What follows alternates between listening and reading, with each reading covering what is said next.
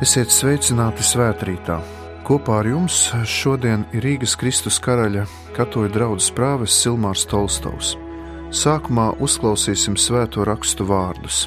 Lasījums no Jēzus Kristus evaņģēlija, ko uzrakstījis Svētais Lūkas. Jau daudz ir mēģinājuši uzrakstīt ziņas par notikumiem, kas ir izcinājušies mūsu vidū.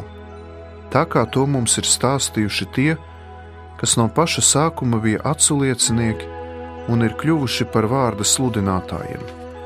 Tāpēc arī es nolēmu visu no paša sākuma rūpīgi izpētīt, un tev cienījamo teofilu visu pēc kārtas aprakstīt, lai tu pārliecinātos par tās mācības pareizību, kas tev darīta zināma. Tajā laikā gara spēkā Jēzus atgriezās Galilejā, un vēstis par viņu izplatījās pa visu apgabalu. Viņš mācīja turienes sinagogās, un visi viņu slavēja. Un viņš nonāca Nāceretē, kur bija uzaudzis. Sabata dienā pēc sava paraduma viņš iegāja sinagogā un piecēlās lasīt, un viņam tika pasniegta pravieša izsēja grāmata. Atinis grāmatu viņš uzdūrās vietai, kurā bija rakstīts: Kunga gars ir pār mani, jo viņš man ir svaidījis sludināt nabagiem prieka vēsti man ir sūtījis vēstīt gūstekņiem brīvību un aklajiem acu gaismu, palaist brīvību apspiestos, pasludināt kunga žēlastības gadu. Satinis grāmatu viņš to deva kalpotājiem un apsēdās, un visu acis sinagogā raudzījās uz viņu. Bet viņš tiem sāka runāt: Šie raksti, kurus dzirdējāt, šodien ir piepildījušies. Tie ir svēto rakstu vārdi.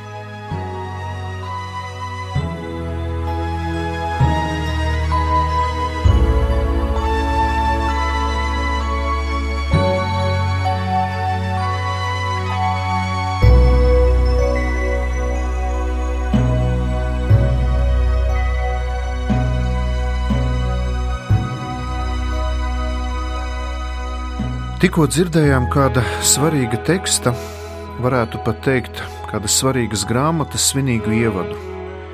Tieši ar šādiem vārdiem savu grandiozo darbu, evaņģēliju, iesāka evaņģēlists Svētais Lūkas. Viņš nebija tiešais Jēzus sekotājs, tomēr viņš Jēzus dzīvi un mācību iepazina, sekojot svētajam apustulim Pāvilam, un vēlējās to, ko pats iepazina, sīki un smalki aprakstīt un komentēt. Vairāki seno laiku drošticami avoti, kā piemēram Muratorija kanons, Svētais Irenejs, Tertuliāns, Origēns, Eusēbijs un Hieronims apliecina, ka šī evaņģēlīja autors ir sīrietis Lūkas no Antiohijas, pēc profesijas ārsts, un šo evaņģēlīju viņš uzrakstīja Ahajā. Lūkas ir autors arī vēl vienam monumentālam jaunās derības darbam, apstuļu darbiem. Lūkasam laikā, kad viņš rakstīja savu darbu, bija jau pieejams Marka evaņģēlijs, un kāds līdz šim nesaglabājies avots, ko Bībeles pētnieki sauc par kū, jeb kvelle, kā arī vēl citi nostāsti par Jēzu. Lūkas evaņģēlī uzrakstīja ap 85. līdz 90. gadam pēc Kristus jo bija jau notikusi lielā traģēdija Jeruzalemē, kad romiešu karaspēks izpostīja Jeruzalemes svētnīcu, bet vēl nebija notikušas Nerona vajāšanas. Lūkas labi zināja grieķu valodu, jo evaņģēlijs ir uzrakstīts elegantā grieķu valodā, un viņam bija pieejams bagātīgs faktu materiāls. Var redzēt, ka viņš bija komunicējis ar jauno Mariju un ar vēl daudziem citiem, jo viņa evaņģēlī ir atrodami brīnišķīgi apraksti gan no jaunavas Marijas dzīves, gan arī no citām situācijām, kas saistīts ar Jēzu. Lūkas, būdams ārsts un analītisks cilvēks, nevēlējās uzticēties viltus ziņām. Tādēļ viņš veica samērā precīzu un detalizētu faktu izpēti un sistematizāciju. Lūkas raksta kā izcils teologs, ievācot drošticamu informāciju no tiem, kuri bija tiešie un uzticamie Jēzus dzīves un darbības liecinieki. Jāsaka, ka Lūkas ir ticīgs cilvēks, kurš būdams ārsts, tātad zinātnē atvērts cilvēks, vēlas vispirms jau kādam noslēpumainam vīram Teofīlam izklāstīt kristīgās ticības būtību, bet to viņš darīja ne tikai sausu faktu vai vēsturiska traktāta veidā, bet gan atklājot gan savu, gan arī kopienas, ja baznīcas ticību. Kristīgā ticība jau no pašiem pirmsākumiem nav bijusi grāmatas vai burta reliģija, bet gan kopienas, ja baznīcas ticība, kuras centrā ir Jēzus Kristus, Kungs, Adonai, kurš ir miris un augšām cēlies, tātad dzīvs un mājo savā baznīcā. Lūkas savā evaņģēlijā vēlas rakstiski fiksēt dzīves, vitālas un dinamiskas kopienas, pirmajās baznīcas kerigmu jeb ticību, un augšām celšos kungu, kurš ir dzīvs un klātesošs arī mūsdienās un visos laikos. Lūkas pats ir piedzīvojis personisku satikšanos ar Jēzu Kristu, gan ne tiešā veidā klātienē, bet gan caur apustuli Pāvilu, kura sekotājs viņš bija, kuram viņš brauca līdzi un visu pierakstīja, kā arī kopienas cilvēkiem, draudzes locekļiem un tā laika visu baznīcas kopienu. Lūkas uzdevums ir norādīt, ka baznīca ir tā vieta, tā kopiena, kurā dzimst un aug mūsu ticība. Ticību nevar izdzīvot tikai individuāli, jo jau no pašiem kristietības pirmsākumiem kristieši pulcējās draudzes kopienās, lai klausītos dievu vārdu, laustu maizi, slavētu dievu un rūpētos par nabagiem un trūkumcietējiem. Ir interesanti, ka jaunā derība rakstiski tika pabeigta tikai simts gadus pēc Jēzus Kristus dzimšanas. Vairākus gadu desmitus jaunā un dinamiskā baznīca eksistēja tikai ar veco derību, un Jēzus Kristus vārdu un darbu aprakstiem, kas tika nodoti tālāk mutvārdu tradīcijā. Līdz ar to varam teikt, ka iesākumā bija tradīcija, un tikai tad šī mutvārdu tradīcija tika rakstiski piefiksēta un tālāk sistematizēta un formēta gan evaņģēlijos, gan dažādās vēstulēs. Senākais jaunās derības grāmatu saraksts, kas tūs mūsdienām, ir pazīstams kā Muratorija kanons ap 170. un 200. gadu pēc Kristus. Tajā bija iekļauti četri evaņģēliji, Pāvila vēstules un citas mums jau zināmās jaunās derības grāmatas, bet, piemēram, šajā kanonā nav iekļauta vēstule ebrejiem. Mums pazīstamās 27 jaunās derības grāmatas pirmais nosauca Aleksandrijas bīskaps Atanāzijas savā lieldienu vēstulē 367. gadā. Šo kanonu apstiprināja arī Hiponas koncils 393. gadā. Tātad kristietība nav tikai drukātā teksta vai uzrakstītā vārda reliģija.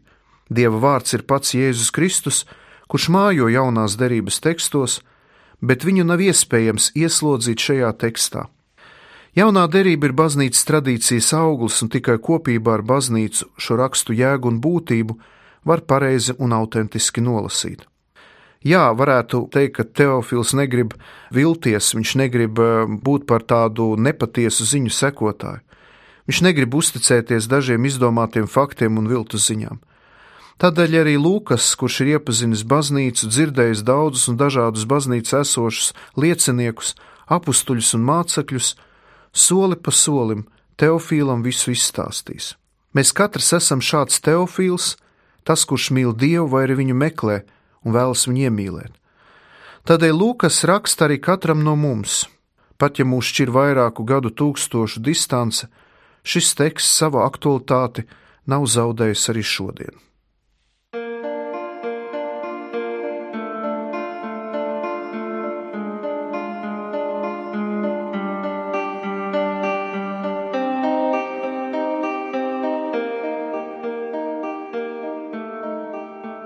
Dārgie klausītāji, šajā brīdī Lūkas, kuru mēs jau iepazinām, mūs vēlas ievest tajā vidē, kurā darbojas Jēzus. Un e, autors pa nodaļām seko pakāpeniski Jēzus gaitām. Un 4. nodaļā Jēzus atgriezies no 40 dienām tuksnesī, kur viņš bija piedzīvojis dramatisku sasa sižeta filmai līdzīgus notikumus un atvairījis sātanu uzbrukumus un kārdinājumus, uzsāka savu publisko darbību Galilejā. Galileja bija vieta, kur Jēzus darbojās visilgāk, un no kurienes viņam pievienojas visvairāk viņa sekotāju. Galilejieši bija atvērti Jēzus mācībai. Un eh, tad Jēzus aizgāja uz savu dzimto ciematiņu Nācereti, kur bija pavadījis visu savu bērnību, jaunību līdz pat 30 gadu vecumam. Viņš dodas uz sinagogu, kas tajā laikā bija jūdu dievnams, un katru nedēļu sabatā vietējās apkaimes iedzīvotāji devās uz šo vietu, lai klausītos dievu vārdu. Jau vecajā derībā Dievs savai tautai teica: Šmā Izraēla, jeb klausies Izraēla. Izraēlis ir tauta, kas klausās, kas cenšas saklausīt Dieva balsi. Jā, nevienmēr tas viņiem bija izdevies, nevienmēr viņi to bija sadzirdējuši, bet tomēr viņi dodas uz sinagogu, lai klausītos. Un lūk, vienā dienā pie viņiem ierodas pats Dieva dēls, Ješo, Jēzus. Protams, ka dzimtās nāceretes iedzīvotāji Jēzu neatpazīst Dieva dēlu, jo viņš taču ir vietējais, galdnieka dēls. Lielākā daļa nāceretes iedzīvotāju domā, ka viņi pazīst Jēzu, līdzīgi arī varbūt mēs domājam, ka viņu pazīstam, viņu zinām. Parasti sabata laikā sinagogā dievkalpojums notika šādā secībā.